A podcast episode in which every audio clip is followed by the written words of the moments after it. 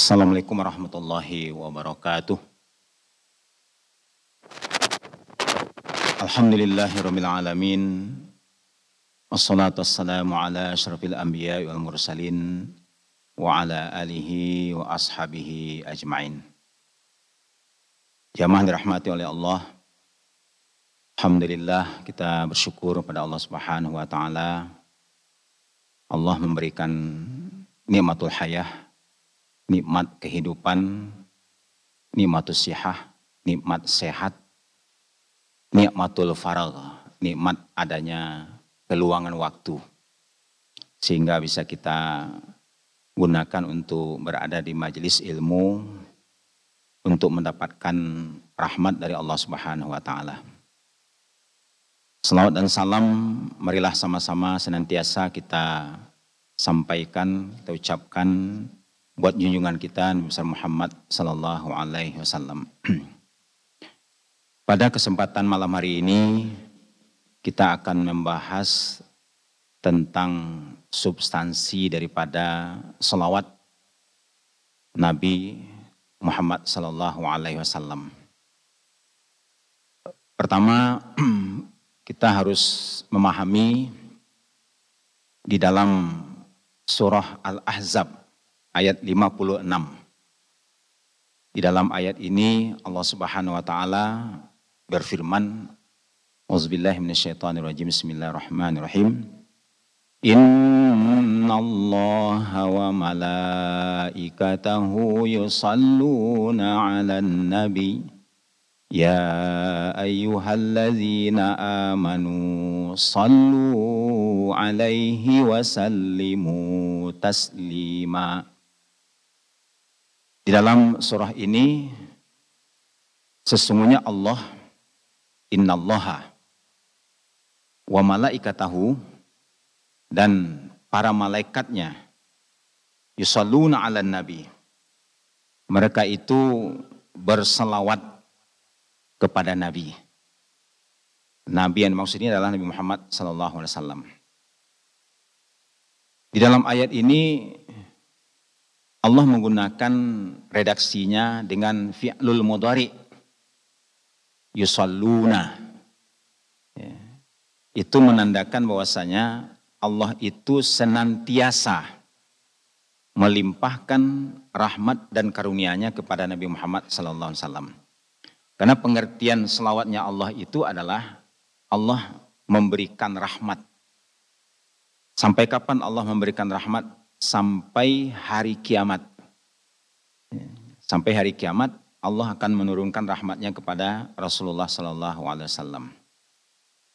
Begitu juga para malaikat selalu mendoakan Rasulullah agar Allah limpahkan rahmat.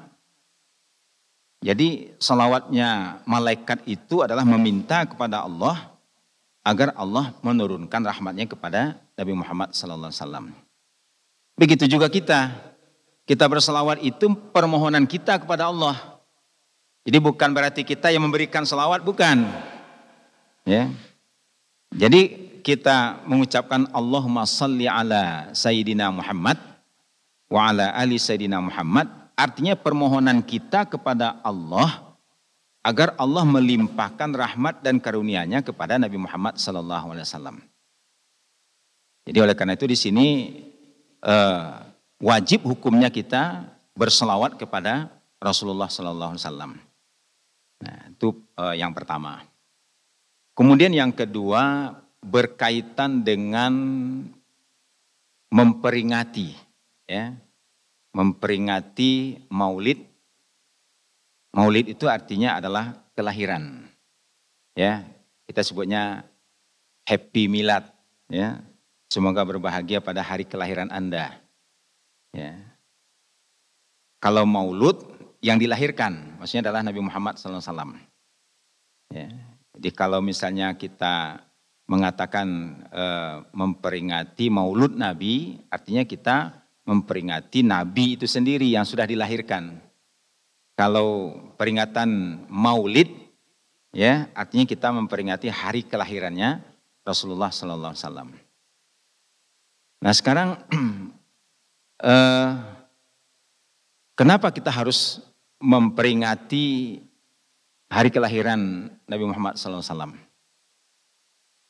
Kita melihat eh, kepada sejarah, ya, tapi sejarah ini eh, terdapat dalam Al-Quran. Ya, yaitu ketika Nabi Ibrahim alaihissalam dengan putranya Ismail itu kan membangun Ka'bah. Ya, jadi Ka'bah yang sekarang ini itu sebetulnya adalah uh, hasil daripada kerja kerasnya Nabi Ibrahim uh, dan Ismail ya alaihissalam. Bahkan menurut riwayat ya, kan itu kita kan ada makom ya, makom Ibrahim ya kalau bagi bapak dan ibu yang pergi ke Mekah ya umroh ataupun haji itu kan ada makom ya, makom uh, Ibrahim nama disebutnya di depan persis uh, di depannya Ka'bah itu, di pintu Ka'bah ke sini sedikit menjelang Hijri Ismail. Nah, itu itu makam di situ bukan tempat kuburan, ya. Tetapi tempat pijakan, ya, tempat bekas kakinya Nabi Ibrahim alaihissalam. Ya, maka disebut dengan makam, tempat berdirinya Nabi. Ya, kenapa? Karena ketika menyusun-nyusun uh, Ka'bah itu, itu berdiri. Ya, nah memang kalau kita melihat dalam riwayatnya kan tinggi itu. Ya, konon kabarnya e, batu itu tetap ya ikut naik juga begitu ya sehingga sampai terbangunlah Ka'bah itu. Nah, lalu kemudian begitu selesai Nabi Ibrahim itu doanya begini, ya. Rabbana wa ba'as fihim rasulam minhum yatslu alaihim ayatika wa yu'allimuhumul kitaba wal hikmah wa yuzakkihim innaka antal azizul hakim. Ya surah Al-Baqarah ayat 129. Rabbana, ya Allah, wa ba'as fihim, utuslah kepada mereka. Jadi Nabi Ibrahim itu mendambakan ya kedatangan Nabi Muhammad sallallahu alaihi. Ya, makanya dia berdoa kepada Allah. Begitu keinginan ya seorang nabi agar Nabi Muhammad sallallahu alaihi wasallam karena Nabi Nabi Muhammad itu sudah dikenal. Ya. Nabi Adam pun juga sudah mengenal gitu Nabi Muhammad itu. Karena rupanya nama Muhammad SAW itu sudah tertulis ya di di apa di surga itu sudah tertulis. Ya bahkan kalau kita membaca eh, kitab-kitab uh, yang berkaitan dengan uh, selawat Rasul ya uh, maharnya ya maharnya Nabi Adam menikahi Siti Hawa itu dengan baca selawat. Nah gitu kan. Kalau kita kan baca uh, surah Al-Kahfi gitu kan atau surah Yusuf surah Yasin kan ada orang maharnya baca surah Yasin ya panjang ya sehingga uh, para uh, pengunjung jadi jadi apa namanya lama ya. Nah, jadi Nabi Muhammad itu sudah dikenal begitu. Nah, nah Nabi Isa alaihissalam ya itu mengungkapkan juga kegembiraannya ya menyampaikan kepada umatnya bahwa dia itu bukan nabi terakhir artinya bu, Nabi Isa itu bukan nabi terakhir ya jadi beliau mengatakan begini Wa qala Isa bin Maryam, ya Bani Israel. Dan ingat ketika Isa ibnu Maryam itu ya berkata kepada Bani Israel, "Ini Rasulullah ilaikum." Aku ini Rasul. Ya, Rasulullah kepada Anda sekalian. Musaddiqan lima baina yadai minat Taurah. Dan aku itu membenarkan adanya kitab ya sebelum aku namanya kitab Taurat. Ya, jadi Nabi Isa itu uh, membenarkan adanya kitab Taurat, ya, kitab Taurat yang diturunkan kepada Nabi uh, Musa alaihissalam. Nah, lalu kemudian apa dia katakan? Ya, uh, wa mubasyiram bi rasulim mim ba'dismuhu Ahmad. Aku memberikan berita gembira kepada Anda sekalian. Jadi gembira dia. Ya, padahal Nabi belum lahir. Tapi sudah ada gembira begitu. Nah, tentu seyogianya kita ini lebih bergembira lagi karena Rasulullah sudah lahir. Ya. Dan itu sebetulnya satu hal yang memang uh, menjadi fitrah kehidupan manusia. Kita memperingati 17 Agustus sebagai hari kemerdekaan. Kenapa kita peringati? Karena sudah ada peristiwa besar di situ. Supaya kita nggak lupa. Ya. Bahkan sekarang ada orang ingin menghapus adanya 30 September itu. Ya, supaya orang lupa. Ya, jangan sampai orang mengenal, ingat ada apa dengan 30 September. Ya. Nah. nah, kita diingatkan juga ya, itu ada hari-hari fazakirhum bi ayyamillah, ya. Ingatkan mereka dengan hari-harinya Allah. Apa itu harinya Allah? Misalnya 10 Muharram, Kita diingatkan ya bahwa itu pernah terjadi peristiwa besar Nabi Musa diselamatkan oleh Allah. Ya, sehingga uh, umatnya mengungkapkan syukurnya itu dengan berpuasa hari Asyura. Kita pun ya kata Rasulullah kami lebih berhak juga daripada Anda. Ya. Jadi makanya kita di, dianjurkan berpuasa pada hari Asyura, hari di mana Nabi Musa itu diselamatkan oleh Allah supaya kita ada sejarahnya itu jangan hilang begitu. Bahwa dahulu itu ada kisah Firaun dengan Eh, Nabi Musa begitu. Nah Nabi Musa ini diselamatkan oleh Allah. Kapan diselamatkannya? Itu 10 Muharram. Nah begitu juga dengan kelahiran Nabi Muhammad SAW kita harus gembira. Ya, qul bi fadlillahi wa bi rahmatihi falyafrahu. Bukan hanya dengan Nabi Muhammad, dengan Al-Qur'an pun juga kita harus gembira. Makanya 17 Ramadan itu pun ya kita peringati sebagai nuzul Quran rasa kegembiraan kita. Ya. Bahkan kalau bagi ya yang sudah menikah punya anak kan Wah anak saya sudah satu tahun ini, ini persis ini satu tahun. Nah gitu kan diperingati juga. Wah ini sudah 10 tahun gitu kan. Yang kita kenal dengan uh, apa namanya uh, hari uh, kelahiran gitu kan. Peringati hari kelahiran ya.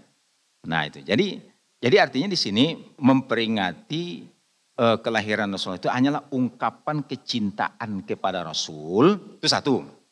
Kemudian yang kedua untuk mengenang kembali bagaimana sejarah Rasulullah SAW itu dan bagaimana sosok ya kepribadian Rasulullah sehingga sampai diabadikan dalam Al-Qur'anul Karim laqad kana lakum fi rasulillahi uswatun hasanah.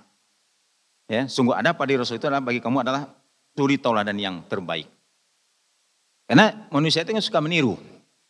Ya, suka meniru. Ya, dulu ada penyanyi namanya Michael Jackson, ya rambutnya dikuncir. Eh banyak orang kuncir rambut. Nah gitu kan. Nah, karena manusia itu suka meniru. Ya. Dalam diri manusia itu ada sifat binatang itu ada pada diri manusia. Salah satu sifat yang ada manusia itu sifat monyet, ya. Ya, apa itu suka meniru. Ya. Makanya kan ada ada cerita rakyat ya, tapi cerita rakyat ya. Jadi ada orang penjual uh, kopiah ya, tertidur di bawah pohon. Begitu dia terbangun, kopiahnya sudah nggak ada. Ya, ada yang ngambil gitu. Dia menjual kopiah, banyak kopiahnya hilang. Pas dia lihat ke atas, ternyata monyet pakai kopiah dia gitu. Nah gitu kan, pakai kopiah semuanya. Tuh, gimana caranya nih? Kebetulan dia punya kopiah kan? Ya, pertama kan dia tunjuk-tunjuk, monyet nunjuk juga sama dia. Ya, akhirnya diambil kopiahnya itu dihempaskannya ke bawah. Eh monyet niru juga, akhirnya dilepas juga semua. cerita. Itu ada pada manusia sifat monyet ada. Sifat ular juga ada. Ya, di mana mulutnya bercabang dua gitu kan? Ada. Sifat kuda juga ada, ya. Ditaruh di depan dia nendang ke belakang, taruh di belakang nendang ke depan. Nah, itu ada juga. Itu sifat-sifat manusia itu di binatang itu ada. Karena manusia itu disebut dengan uh, hayawan, ya, hayawanun natik. Ya, jadi hewan tapi punya pikiran gitu. Itu kata orang ahli mantik ya. Baik. Jadi uh, eh, apa namanya kembali kita kepada eh, bagaimana cara kita mengungkapkan kecintaan kepada Rasulullah itu salah satu saja.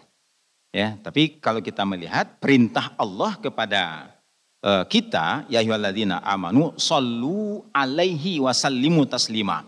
Jadi kita itu mengungkapkan kecintaan kita kepada Rasulullah SAW itu salah satunya adalah dengan mendoakan Rasulullah dengan solawat. Nah sekarang pertanyaannya bagaimana kita berselawat? Nah di sini ada beberapa riwayat ya. Uh, pertama sahabat namanya uh, Bashir bin Sa'ad ya. ya. Lalu dia bertanya kepada Rasulullah ya, amaronallah anusali alaik.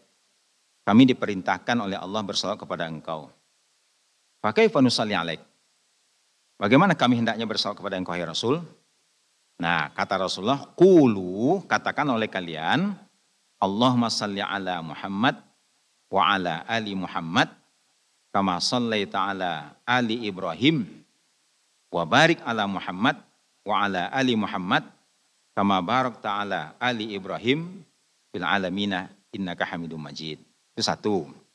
Ya. Satu riwayat. Jadi banyak sebetulnya. Ya. Ada juga riwayat eh,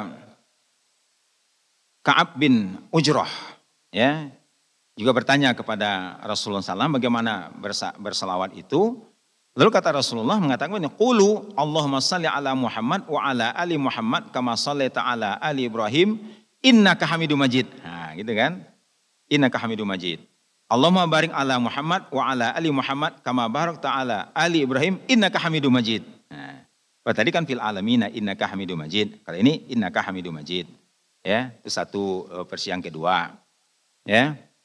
Terus ada lagi versi yang ketiga uh, Abu Hamid As-Sa'idi, ya seorang sahabat. Uh, mereka itu para sahabat bertanya ketika itu, "Ya Rasulullah, kaifa nusalli alaik?" Ya Rasulullah, bagaimana kami bersalat kepada engkau? Rasulullah mengatakan, "Faqulu Allahumma salli ala Muhammad wa azwajihi wa zurriyyatihi." Ya. ya Allah, berikanlah selawat kepada Muhammad dan istri-istrinya dan keturunannya. Kama sallaita ala Ali Ibrahim sebagaimana engkau telah berselawat kepada keluarga Ibrahim wa barik ala Muhammad wa azwajihi wa zuriyatihi kama barak ta'ala ali Ibrahim innaka Hamidum Majid. Nah, jadi ini uh, apa namanya? Uh, selawat ya, cara berselawat kepada Rasulullah SAW. Ada juga yang begini, ya. Ada ada orang bertanya kepada Rasulullah, "Pakai fa as-salatu alaika ya Rasulullah?" Kata Rasulullah, katakan oleh kalian Allahumma salli ala Muhammad abdika wa rasulika. Ya. Kama salli ta'ala Ibrahim wa barik ala Muhammad wa alil Muhammad kama barak ta'ala ali Ibrahim. Ya. Ini. Jadi uh, ini uh, selawat yang maksur namanya. Ya, maksur itu artinya diajarkan oleh Rasulullah sallallahu alaihi wasallam. Lalu uh, kenapa kok beraneka ragam? Ya, banyak macam-macam salawat. Ya. Nah, ada juga begini, uh, ada seorang uh, sahabat, dia datang ke majelis Nabi. Ya, lalu kemudian Rasulullah panggil sahabat itu, ayo, ayo sini duduk di sini. Dia duduk itu di, di samping Rasulullah, di samping Abu Bakar. Para sahabat heran, ada apa dengan orang ini? Kok Rasulullah memuliakan dia begitu? Dia, dia suruh duduk di samping Rasul. Rasul men, apa, menangkap adanya keheranan itu di kalangan para sahabat, lalu kemudian dijelaskan Rasulullah. Ini uh, orang ini, sahabat kita ini, telah berselawat kepadaku, selawat yang belum pernah ada sebelumnya. Nah, gitu. Belum pernah ada sebelumnya orang seperti itu. Artinya dia tidak mendapatkan uh, apa pelajaran dari Rasulullah secara berselawat, tapi dia sendiri berselawat kepada Rasulullah. Ya, dia dia apa namanya? Dia rangkai sendiri. Ya, dia rangkai sendiri. Apa selawatnya? Allahumma salli ala sayyidina Muhammadin fil awalin wal akhirin wa fil malail a'la ila yaumiddin. Nah, itu selawatnya. Ya. Nah, jadi dari situ kemudian para sahabat-sahabat yang lain juga ternyata ya punya selawat-selawat redaksi yang mereka susun sendiri. Ya, artinya di situ dibolehkan ya dalam berselawat itu menyusun redaksinya sendiri oleh para sahabat Nabi. Ya, makanya tidak tidak hanya oh, apa namanya yang diajarkan oleh Rasulullah SAW saja begitu. Jadi ada variasi-variasinya. Ya. Kadang-kadang kan ada orang beranggapan begini, udahlah kalau yang sudah diajarkan Rasul, ya itu aja. Ya kalau itu saja cuma satu aja, nggak ada bukunya. Ya, orang nggak, akan menulis kitab. Ya, ini ada sebuah kitab yang saya uh, baca ini, ini ditulis oleh uh, Ibnu Qayyim al Jauziyah ya Ibnu Qayyim al-Jauziyah dia seorang ulama besar ya ya muridnya Ibnu Taimiyah ya jadi mengarang kitab nama Jalaul Afham Jalaul Afham ya Jalaul Afham itu artinya adalah pemahaman yang jelas. Jala itu jelas. Ya. Bisolati wassalam ala khairil anam. Ya. Pada berselawat dan mengucapkan salam kepada manusia terbaik. Itu adalah Rasulullah SAW Nah, nanti di sini di dalam eh, apa namanya? di dalam eh, kitab ini di samping menjelaskan bagaimana tentang berselawat Nabi, juga beliau menjelaskan tentang bagaimana keutamaan-keutamaan selawat. Ya, keutamaan-keutamaan orang berselawat kepada Rasulullah SAW itu apa saja keutamaan-keutamaannya. Ya, itu dijelaskan oleh oleh beliau di dalam apa namanya di dalam uh, kitabnya ini. Ya, nah yang uh, pertama Ini keutamaan e, bersalawat kepada Rasulullah SAW ya. Jadi di dalam e, salah satu hadis Rasul mengatakan man sholla alayya barang siapa yang berselawat kepadaku, kutibalahu dituliskan baginya asru hasanatin. Ya, sepuluh kebaikan. Itu satu kali kita bersalawat. Allahumma salli ala Muhammad. Tanya begitu. Ya, itu ditulis sepuluh kebaikan. Ya. Lalu kemudian wa muhya anhu biha asru sayyiat. Ya. Dan dihapuskan atasnya sepuluh kesalahan kita. Ya. Itu padahal kita cuma mengucapkan Allahumma salli ala Muhammad. Sepuluh kesalahan kita. Wa rafa'ahu biha asra darajat. Ya. Lalu kemudian diangkat derajat kita oleh Allah. Ya, sepuluh derajat. Wa kun lahu adla asra dan mendapatkan pahala seperti memerdekakan 10 budak. Ya. Jadi pahala memerdekakan budak 10 orang budak kita merdekakan cukup dengan hanya satu kita berselawat kepada Rasulullah SAW. Allahumma salli ala Muhammad. Ya, jadi ini keutamaan uh, salah satu keutamaan uh, berselawat kepada Rasulullah SAW. Ya. Nah kemudian uh, keutamaan-keutamaan yang lain yaitu Rasul mengatakan begini, Mamin kaumin jalasu majlisan, tidaklah satu kaum duduk dalam satu majlis, ya seperti kita ini. Ya, makanya tadi kan kita memulai dengan uh, memuji Allah dan juga berselawat kepada Rasulullah SAW. Ya, jadi biasakan kita sudah sudah uh, sudah terbiasa sebetulnya. Ya, kalau misalnya bapak-bapak misalnya kumpul nih dengan uh, anak menantu atau teman-teman sekalian. Nah, kan biasanya kan begini, Alhamdulillah. Nah, gitu kan. Wassalatu wassalamu ala rasulillah. Kan itu selawat itu. Ya, jadi kalau satu majelis itu, kata Rasulullah dalam, dalam, dalam hadis ini, Ma min qawmin jalasu majlisan, summa qamu minhu, walam yazkurullaha ta'ala, walam yusallu ala nabi, illa kana zalikal majlis alaihim tiratan. Jadi kalau ada satu majlis di mana Eh, mereka itu dalam majlis tidak menyebut nama Allah dan tidak berselawat kepada Nabi, maka majlis itu menjadi majlis yang merugi. Ya, rugi. Ya, nggak ada nggak ada nggak ada gunanya gitu kita berkumpul-kumpul kalau kita tidak mengucapkan zikir kepada Allah, ya, termasuk alhamdulillah itu zikir pada Allah. Ya. Kenapa? Karena uh, doa yang terbaik itu kata Rasulullah, ya, itu adalah alhamdulillah. Zikir yang terbaik adalah kalimat la ilaha illallah. Nah, Kan aneh juga begitu kalau kita pikir kan alhamdulillah kan cuma mengucapkan pujian kepada Allah. Kok disebut dengan doa yang terbaik? Ya. Jadi sebaik-baik zikir itu itu kalimat la ilaha illallah. Ya, itu paling baik dari semua kalimat-kalimat thaibah.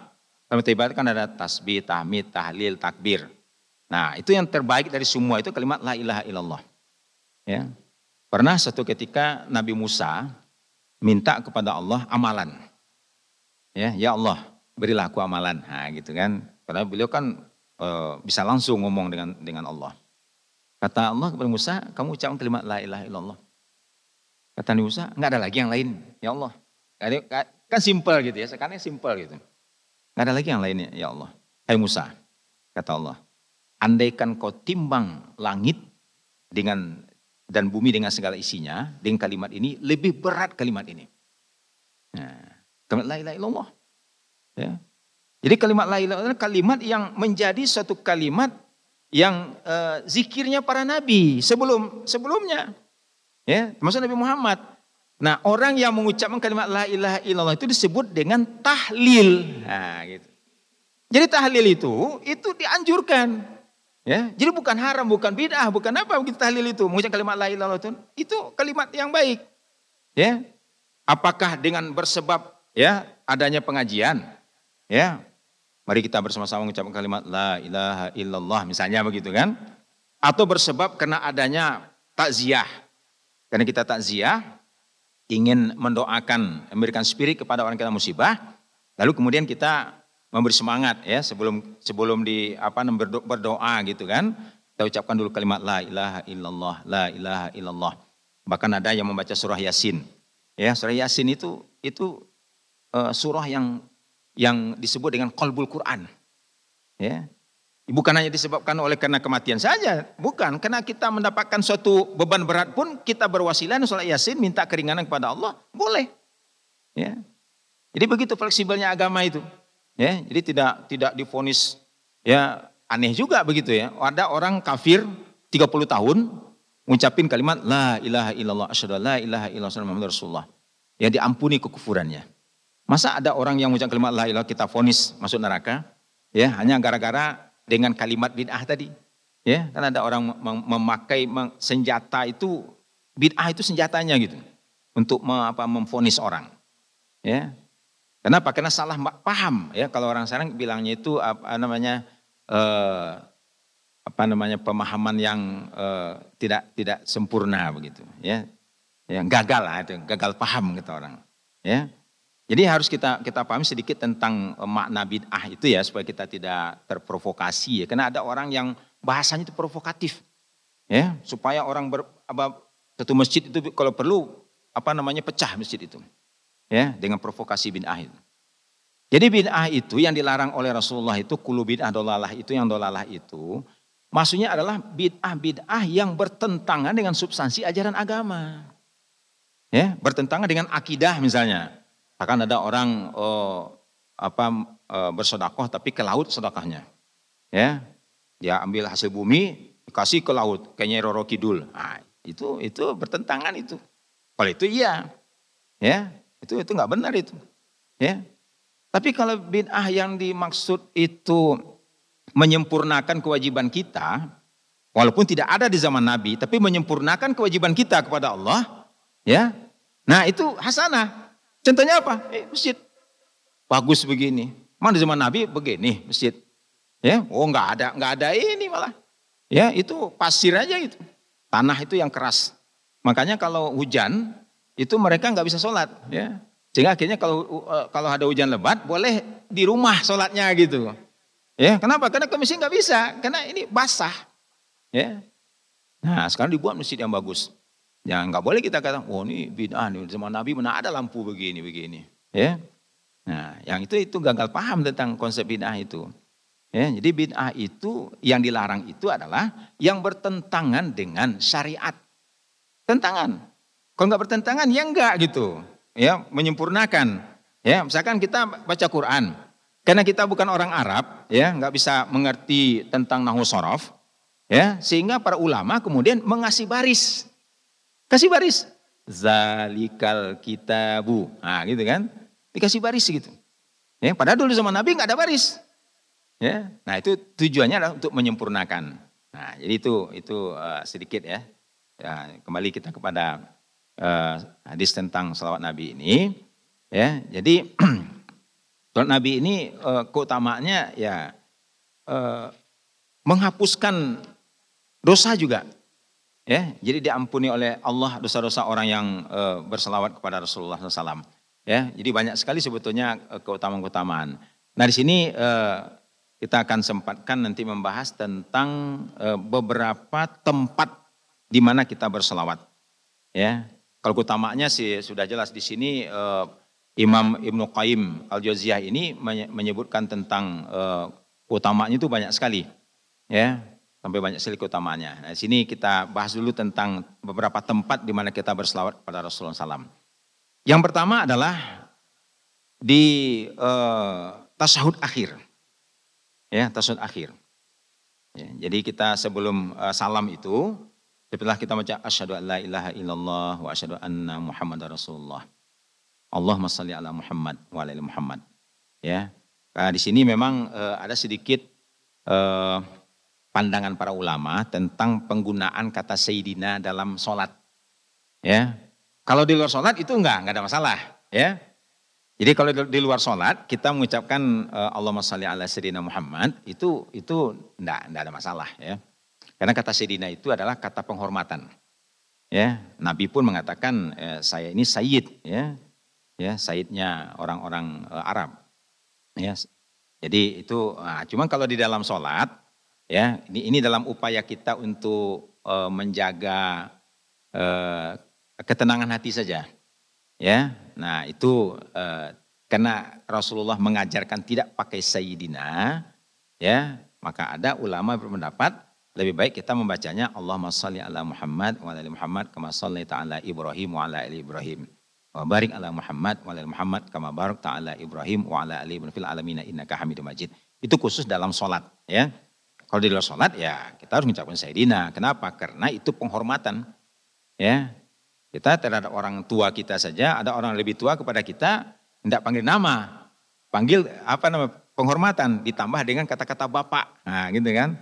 Misalkan kita punya punya ada orang tua ya, walaupun bukan ayah kandung kita misalnya, ada tetangga kita bapak-bapak misalnya, ya namanya Hasan, ya. Enggak, enggak, kalau ketemu di jalan kita enggak enggak bilang, hei Hasan mau ke mana? Ya pasti kita katakan Pak Hasan mau ke mana? Ah gitu kan, kata-kata bapak ya itu untuk penghormatan. Ya. Nah jadi itu yang pertama, tasyahud ya. Dalam kita bertasyahud itu mengucapkan eh, salawat kepada Rasulullah Sallallahu Alaihi Wasallam. Ya, itu yang yang pertama. Kemudian eh, yang yang kedua yaitu ketika kita sholat jenazah. Ya, jadi kalau sholat jenazah itu pada takbir yang kedua, ya, pada takbir yang kedua itu kita mengucapkan salawat Nabi. Ya, dan sholat jenazah itu tidak pakai ruku. Ya. Karena ada orang kan katanya ada orang kena covid katanya ya disolatkan gitu. Makanya yang nyolatin ini nggak mengerti kali ya sehingga dia pakai ruku segala gitu ya dan diviralkan orang ya nah itu nah, jadi itu yang yang kedua ya jadi kita e, berselawat itu adalah ketika kita e, menyolatkan jenazah ya jenazah maka kita uh, ucapkan uh, selawat kepada Rasulullah SAW. Ya. Nah kemudian uh, yang berikutnya adalah kita berselawat kepada Rasulullah SAW itu adalah uh, ketika kita dalam berdoa. Ya, jadi doa kita itu itu masih uh, stuck, ya, jadi tertahan. Ya. Kecuali kalau kita ucapkan dengan salawat Nabi. Makanya dalam kita berdoa itu bisa diawali dengan salawat Nabi, ya, atau ya, atau dibacanya nanti setelah berdoa. Ya, misalkan kita baca doa Rabbana atina fid dunya hasanah wa fil akhirati hasanah wa qina azabannar wa sallallahu ala sayyidina Muhammadin wa ala alihi wasahbihi ajmain. Ya, atau Allahumma shalli ala Muhammad wa ala ali Muhammad. Ya, itu supaya doa kita dikabulkan uh, oleh uh, Allah Subhanahu wa taala. Jadi dalam kita berdoa, ya. Nah kemudian yang berikutnya adalah eh, menutup doa kunut. Nah, ini pesan kunut lagi nih sedikit ya. Jadi kunut itu artinya adalah uh, berdiam setelah uh, sami Allahul liman hamidah pada kalau di subuh itu pada rakaat yang kedua. Ya. Kalau dalam mazhab Syafi'i itu setelah sami Allahul liman hamidah. Ya, setelah uh, mengucapkan i'tidal. Kalau dalam mazhab Maliki sebelum, nah gitu kan. Ya, nanti kalau saat Juma dulu waktu di di Sudan itu orang kunut itu sebelum sebelum ya tidal. Ya, berdiam diri dulu. Ya, diam gitu baca doa. Ya. Nah, cuman Nabi eh, apa namanya dalam beberapa riwayat itu membaca doa kunut itu setelah yang tidal. Ya. Nah, itu selama oh, satu bulan itu kebetulan mendoakan ya karena ada kasus ada 70 oh, hafiz Quran ya dibunuh. Ya dibunuh. Jadi ada satu apa satu kabilah datang ke Rasulullah kami membutuhkan orang yang mengajarkan Al-Quran ya Rasulullah. Ya Rasulullah kirimlah begitu kan. Ya dibunuh oleh mereka. Nah Rasulullah begitu sedihnya ya geram dan segala macam lah gitu perasaan gimana perasaan sebagai karena Rasulullah juga manusia biasa juga inama ana basyarun mislukum Ya, ada rasa bahagianya, ada rasa sedihnya, ada rasa marah juga. Ya, ada rasa apa namanya? Ya, bercampur aduk lah begitu. Selama satu bulan itu mendoakan laknat kepada kaum itu.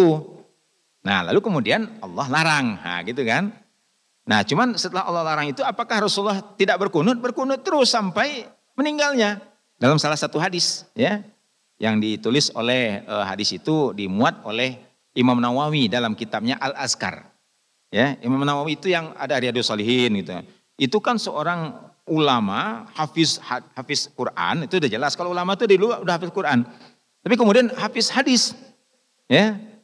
ya jadi kalau disebut ulama itu al-hafiz, kalau ulama disebut al-hafiz itu berarti dia menghafal hadis Nabi itu 300 minimal. 300 ribu hadis. Ya. Bukan seribu, 300 ribu. Ya, itu baru dapat gelaran Al-Hafiz. Ya, misalkan Ibnu Hajar Al-Asqalani, Al-Hafiz Ibnu Hajar Al-Asqalani, Al-Hafiz ya As-Suyuti misalnya, Imam As-Suyuti. Ya, itu sudah hafal hadis banyak sekali. Ya, nah, jadi Imam Nawawi itu dalam salah satu hadis ya yang ya memang hadis ini kan dipermasalahkannya kan dari segi kekuatan. Tapi hadisnya ada gitu. Nah, itu yang harus kita lihat. Dia ada. Ya, Imam Syafi'i pun pernah ditanya oleh oleh teman-temannya uh, pada waktu itu. Ya. Uh, kan hadisnya tidak tidak apa namanya tidak begitu kuat. Jawaban Imam Syafi'i begini. Uh, Rasulullah kan pernah melaksanakan. Jadi amal perbuatan yang pernah dilaksanakan oleh Rasulullah SAW itu menjadi syariat sampai akhir zaman. Ya. Jadi Rasulullah itu pernah berkunut ya sampai hari, hari akhir zaman uh, syariat itu tidak hilang. Hanya ya hanya yang yang perlu kita garis bawahi dari status hukum. Nah, gitu kan? Kan hukum itu ada lima. Ada wajib, ya, ada sunnah, ada haram, ada makruh, ada mubah. Nah, gitu. Lima hukum. Ya, jadi karena posisi hadis itu tidak sampai kepada tingkat mutawatir, ya, hanya sampai kepada hasan ya ataupun kalau daif tapi daif yang disebut oleh para ulama hadis pada ilul amal ya keutamaan dalam beramal. Jadi tidak dilarang ya. Nah kalau bagi kita eh, yang apa namanya kita harus berprinsip eh, sebagai seorang pebisnis kalau dalam beribadah karena bisnis kita dengan Allah. Maksudnya apa? Peluang apa pun kita bisa beribadah di situ ada pahala laksanakan aja. Itu urusan kita dengan Allah ya Nah, jadi ada ada peluang misalnya, ya termasuk ini kan Imam Ibnu Qayyim al-Jauziyah ini kan kalau tidak salah dia bermazhab uh, Hambali. Ya, tapi di dalam kitabnya dia menuliskan bahwasanya salah satu ya salawat itu dibaca adalah setelah membaca doa kunut. Nah, gitu kan. Berarti dia mengakui ya, dia mengakui kunut kunut subuh itu diakui oleh beliau. Ya, kunut witir ya, tidak ada perbedaan ulama. Ya, kalau kunut witir itu sudah jelas ya. Kunut subuh yang, yang ada perbedaan. Tadi tapi beliau itu meng, ma, apa, ma, dalam menulis bahwasanya setelah membaca Allah mahdini fiman hadait atau Allah mahdina fiman hadait ya, wa afina fiman afait sampai selesai, itu kemudian wasallallahu ala sayyidina Muhammadin wa ala alihi wasahbihi wasallam. Ya, nah, ditutup dengan salawat pada Rasulullah. Nah, itu adalah uh, di mana kita menempatkan kita berselawat kepada Rasulullah SAW. Nah kemudian termasuk juga ketika kita habis membaca doa setelah azan. Ya setelah kita baca Allahumma rabbah hadhi da'wati tamah wa qa'imah ati sayyidina Muhammadil wasilah wal fadilah wa ba'athu maqama mahmudan wa'attah. Ya, nah itu kan ada ulama menama inna kala tukliful mi'ad ya. Tidak ada masalah sebetulnya ya. Karena Allah juga mengatakan Allah tidak pernah mengingkari janjinya kan gitu. Ya, nah setelah itu Allahumma salli ala Muhammad wa ala ali Muhammad. Nah, disunahkan kita mengucapkan salawat setelah membaca doa itu. Walaupun doa itu sendiri pun kata Nabi, hakot lahu syafaati. Dia berhak mendapatkan syafaatku. Pada mendoakan Rasul dengan Allah merubah hati dawati tamah itu, maka dia berhak mendapatkan ya syafaat dari Rasulullah Sallallahu Alaihi Wasallam. Nah, jadi ini eh, apa namanya eh, membaca eh, selawat ya setelah kita mendengarkan azan ya. Jadi Rasul mengatakan, "Faman sa'alallah li alwasilah halat alaihi syafa'at." Ya, jadi berhak orang itu mendapatkan uh, syafaat. Nah, kemudian ya yang uh, berikutnya, uh, nah ini mungkin jarang-jarang uh, ya kita mengamalkannya, mungkin tidak terlalu terbiasa. Yaitu kata Rasulullah begini, Anna Rasulullah SAW kala, idha dakhala ahadukumul masjid. Ya, kalau salah seorang di antara kalian masuk masjid, fal yusallim ala nabi. Hendaklah dia mengucapkan salam kepada Nabi, wal yakul Allahumma ftah li abwaba rahmatik. Ya. Jadi boleh kita berselawat Allahumma salli ala Muhammad Allah, atau Allahumma salli wa sallim barik alaih. Lalu kemudian Allahumma ftah li abwaba rahmatik. Wa idza kharaja, kalau dia keluar dari masjid, fal yusallim ala nabi wal yakul Allahumma ajirni minasyaitonir rajim. Ya, ya, jadi kita berlindung kepada Allah daripada gangguan dan godaan setan. Nah itu. Ya. Atau ada juga dengan dengan kalimat ya uh, Allah maftah abu abah fadlik ya itu beberapa riwayat. Cuman yang yang yang di dalam riwayat dalam ditulis oleh uh, Ibnu Kamil Jauziyah ini adalah sebelum kita membaca doa itu kita berselawat dulu gitu. Ya. Kita kan langsung saja berdoa begitu kan. Padahal sebetulnya ya kita dianjurkan ya untuk mengucapkan selawat kepada Rasulullah Sallallahu Alaihi Wasallam. Ya, baik ketika kita membaca doa itu atau ketika membaca doa kita keluar daripada masjid. Ya. Nah, kemudian eh, apa namanya? Ya, itu beberapa selawat dan kemudian yang di mana kita berselawat adalah ketika kita mendengarkan eh, nama Rasulullah disebut di hadapan kita. Ya. Jadi Rasul mengatakan begini dalam salah satu hadis, ya inna abakhalan nas, ya sesungguhnya orang yang paling bakhil.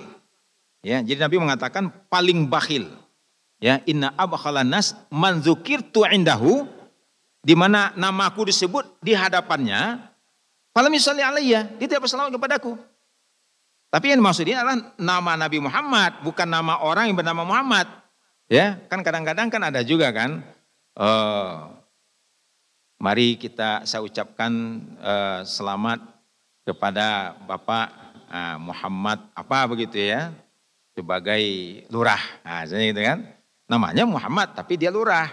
Ya, nah, itu nggak perlu kita ya sallallahu alaihi wasallam ya enggak perlu begitu ya kenapa karena namanya gitu bukan nama bukan nama uh, bukan Rasulullah ini disebut tapi kalau misalnya ada mengatakan begini uh, ajaran Islam ini dibawa oleh seseorang yang bernama Muhammad sallallahu alaihi wasallam. Nah, itu baru kita katakan begitu sallallahu alaihi wasallam. Karena ini maksud adalah Nabi Muhammad sallallahu alaihi wasallam. Nah jadi itu uh, di dalam apa namanya kita berselawat ya. Nah, jadi di sini uh, sebagai kesimpulan ya uh, daripada keutamaan selawat pada Rasulullah SAW, ya ini dibuat list oleh Ibnu Qayyim. Ya, uh, pertama itu me, me, mematuhi perintah Allah. Jadi ibadahnya situ kita mematuhi perintah Allah. Ya, kemudian yang kedua uh, bukti cinta kita kepada Rasulullah SAW. Ya, jadi kita mengucapkan itu adalah karena cinta kepada Rasulullah. Kemudian yang ketiga adalah uh, derajat kita diangkat ya oleh Allah. Ya, dan dosa-dosa kita diampuni oleh Allah. Sepuluh dosa kalau satu kali tadi ya. Ya, dan kemudian derajat kemanusiaan kita ya di, diangkat oleh Allah dan kita diberi sepuluh kebaikan. Kemudian dosa-dosa kita diampuni oleh Allah ya dan uh, nanti di hari akhirat kita mendapatkan uh, kesempatan ya peluang untuk mendapatkan syafaat dari Rasulullah SAW ya eh, kemudian juga keinginan-keinginan kita itu akan terkabul ya dengan kita berselawat. Nah makanya kan ada satu selawat tapi dalam riwayat ya di dalam riwayat selawat ini eh, ada itu ada seorang ulama mengalami eh, satu kondisi yang sangat sulit. Dia dalam perjalanan eh, menaiki kapal tengah malam itu ya terjadi badai. Nah ketika itu dia bermimpi bertemu dengan Rasulullah. Jadi berjumpa dengan Rasulullah itu para ulama biasa. Kenapa biasa mereka berjumpa? Karena selawatnya banyak. Ya. Jadi kalau orang banyak bersolawat kepada Rasulullah, banyaknya berapa? Bukan banyak lagi, banyak. Ya. Bukan sekali dua kali, ada yang seribu kali, ada yang sepuluh ribu kali dia berselawat. Ya. Kalau kalau sekarang ini kita kita uh, apa dengar gitu seorang pemimpin ya tapi di daerah Rusia sana, di Chetnya, si muda dia. Ya, itu eh, apa namanya presidennya itu itu ahli salawat. Ya, makanya ketika kemarin ada peringatan Nabi itu eh, mereka negaranya yang menyelenggarakan gitu ya, betul-betul. Ya, eh, mereka melakukan ini karena karena pemimpinnya itu suka berselawat pada Rasulullah SAW. Ya, nah jadi uh, ulama ini dalam mimpinya, nah, gitu kan. Rasul mengajarkan itu yang biasa kita membaca. Allahumma salli ala Sayyidina Muhammad wa ala ali Sayyidina Muhammad salatan tunjina biha min jami'il ahwali wal afat wa taqdilana biha jami'al hajat ya wa tutahhiruna biha min jami'is sayiat ya wa tarfa'una biha uh, a'lad darajat nah gitu kan wa tuballighuna biha aqsal ghayat min jamil khairat fil hayati wa badal mamat. Nah, itu disebut dengan selawat al-munjiat. Ya, selamat dia setelah itu. Ya. Ada juga selawat uh, ada seorang ulama di Mesir namanya Syekh Ad-Dardir. Ya, jadi beliau ini ternyata seorang ulama yang doanya sering dikabulkan oleh Allah. Jadi pada suatu saat ketika itu ada kena ada musibah penyakit wabah lah begitu. Nah itu beliau itu membuat sebuah uh, selawat ya. Uh, kalau kita sering dinyanyikan begitu ya.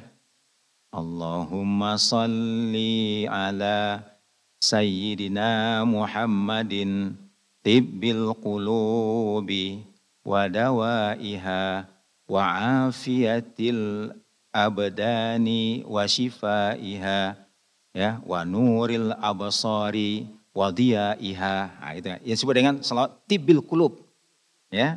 Itu tibbil qulub itu selawat untuk supaya Allah beri kesehatan kepada kita lahir batin ya. Nah itu boleh kita baca ya.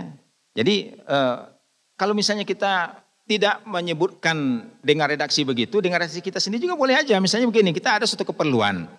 Ya, misalnya nih, misalnya, ya, badan kita sakit, sakit ada yang terasa sakit di badan kita. Ya, lalu kita kita pegang tempat sakit itu, lalu kita mengatakan Allahumma shalli ala Muhammad, ya Allah sembuhkanlah. Nah, gitu kan? Itu boleh. Ya. Ya. Jadi artinya di situ berselawat itu adalah salah satu upaya kita untuk takarub ilallah. Mendekatkan diri kita kepada Allah sehingga Allah mengabulkan apa yang menjadi hajat dan kebutuhan kita. Kenapa? Karena sosok Rasulullah ini adalah sosok yang sangat dicintai oleh Allah. Sehingga kalau ada orang yang menghina dan merendahkan Rasul, dia akan dihinakan oleh Allah. Ya. Jadi siapa pun ya, itu kontan. Ya. Kalau kita lihat ya, apa namanya negara yang pemimpinnya itu sedang apa pernah mengatakan kalimat-kalimat yang yang meremehkan Rasulullah, merendahkan Rasulullah, itu apa yang terjadi sekarang? Ya itu secara ekonomi konon kabarnya negara itu ruginya triliunan. Ya kalau dengan uang kitanya begitu. Ya rugi. Ya karena diboykot. Ya kita sebagai umat Islam pun juga kalau ada orang yang menghina Rasulullah kita ada melakukan satu upaya juga menunjukkan bahwa kita nggak suka dengan apa yang diucapkannya itu. Ya apa yang bisa kita lakukan? Ya yang bisa kita lakukan ya ya itu yang sekarang bisa dilakukan. Memboikot produknya begitu. Ya itu salah satu upaya menunjukkan sampai dia minta maaf gitu. Ya kalau yang dilakukan oleh anak muda itu lebih lebih apa lagi gitu ya. Sampai dia ada gurunya yang menghina Rasulullah ya, dieksekusi sama dia. Ya, walaupun ya setelah itu dia juga uh, kena begitu ya, tapi uh, karena dia niatnya mungkin untuk membela Rasulullah ya mudah-mudahan ya Allah terima dia sebagai syahid begitu kan, karena dia membela Rasulullah SAW. Nah itu jadi oleh karena itu hadirin rahimakumullah, uh, bagaimana kita mengungkapkan kecintaan kita kepada Rasulullah SAW, walaupun momentum Maulid ini hanyalah sebagai uh, sebagai trigger aja, pemicu ya untuk membangkitkan semangat dan spirit kecintaan kita kepada Rasulullah.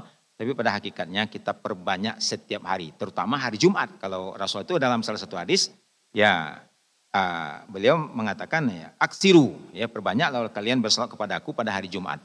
Ya kenapa? Karena kalau kita bersolat itu dihadapkan kepada Rasulullah. Ya, jadi ada malaikat yang memang tugasnya itu adalah menyampaikan kepada Rasulullah. Ya, bahwa sepulan-sepulan itu berselawat kepada engkau. Nah, itu disampaikan oleh, oleh malaikat kepada Rasulullah SAW. Jadi oleh karena itu perbanyaklah selawat kepada Rasulullah. Dan rata-rata selawat yang di kita itu, uh, ya setelah kita lihat redaksinya tidak ada yang bertentangan sebetulnya. Ya, cuma kadang-kadang ada yang mengatakan bertentangan itu mungkin uh, kurang mengerti dan kurang paham maksud daripada karena dia bahasanya itu terkadang kan bahasa Arab itu kan uh, sastranya tinggi gitu. Ya, tinggi sastranya. Ya, kalau orang tidak mengerti dengan uh, ilmu uh, balaghah misalnya begitu kan bisa nggak nggak paham ya dengan kalimatnya itu. Ya, oleh karena itulah para ulama ya banyak menulis ya, ada juga ada kitab namanya Afdalus Salawat ala Sayyidi Sadat. Ya, ini ditulis oleh uh, Syekh Yusuf uh, bin Ismail An-Nabhani. Ya, mungkin kita uh, pernah dengar ada seorang tokoh Hizbut Tahrir pendiri Hizbut Tahrir namanya Taqiyuddin An-Nabhani. Nah ini kakeknya. Ya, kakeknya itu seorang hafiz Quran ya dan seorang pecinta Rasul. Ya, kalau kita baca melihat karangannya itu nggak sanggup kita menulis syair-syair yang indah ya seperti yang ditulis oleh beliau. Ya. Bahkan ya ini ini buku-buku simpelnya ya. Kalau yang buku yang agak tebal itu namanya Sa'adatud Darain. Ya. Jadi untuk membahagiakan uh, di, dari dua tempat ya itu isinya adalah selawat Nabi. Ya. Kenapa? Karena kecintaan kepada Rasulullah itu membuat dia itu melakukan uh, segala daya dan upaya menunjukkan kecintaannya kepada Rasulullah dan mudah-mudahan kita pun juga termasuk uh, umat yang mencintai Rasul karena Rasulullah itu sangat cinta kepada kita ya dia tidak ingin uh, umatnya itu uh, menderita ya maka disebut dengan azizun alaihi ma'anitum ya harisum bil mu'minina raufur rahim ya jadi terasa berat. Ya, kalau umatnya itu ada beban Rasulullah itu lebih berat lagi terasa batinnya. Ya dan dia menginginkan umatnya itu bahagia. Ya oleh karena itu perbanyaklah selawat kepada Rasulullah SAW ya dalam keseharian kita setiap kita berdoa tempatkan berselawat. Ya nah, di samping kita juga membaca doa-doa yang lain. Uh, ini uh, barangkali uh, kajian kita pada malam hari ini. Mudah-mudahan uh, ada manfaatnya. Kalau kita masih punya ada waktu satu menit kurang ya kalau ada satu atau dua pertanyaan ya silakan kalau ada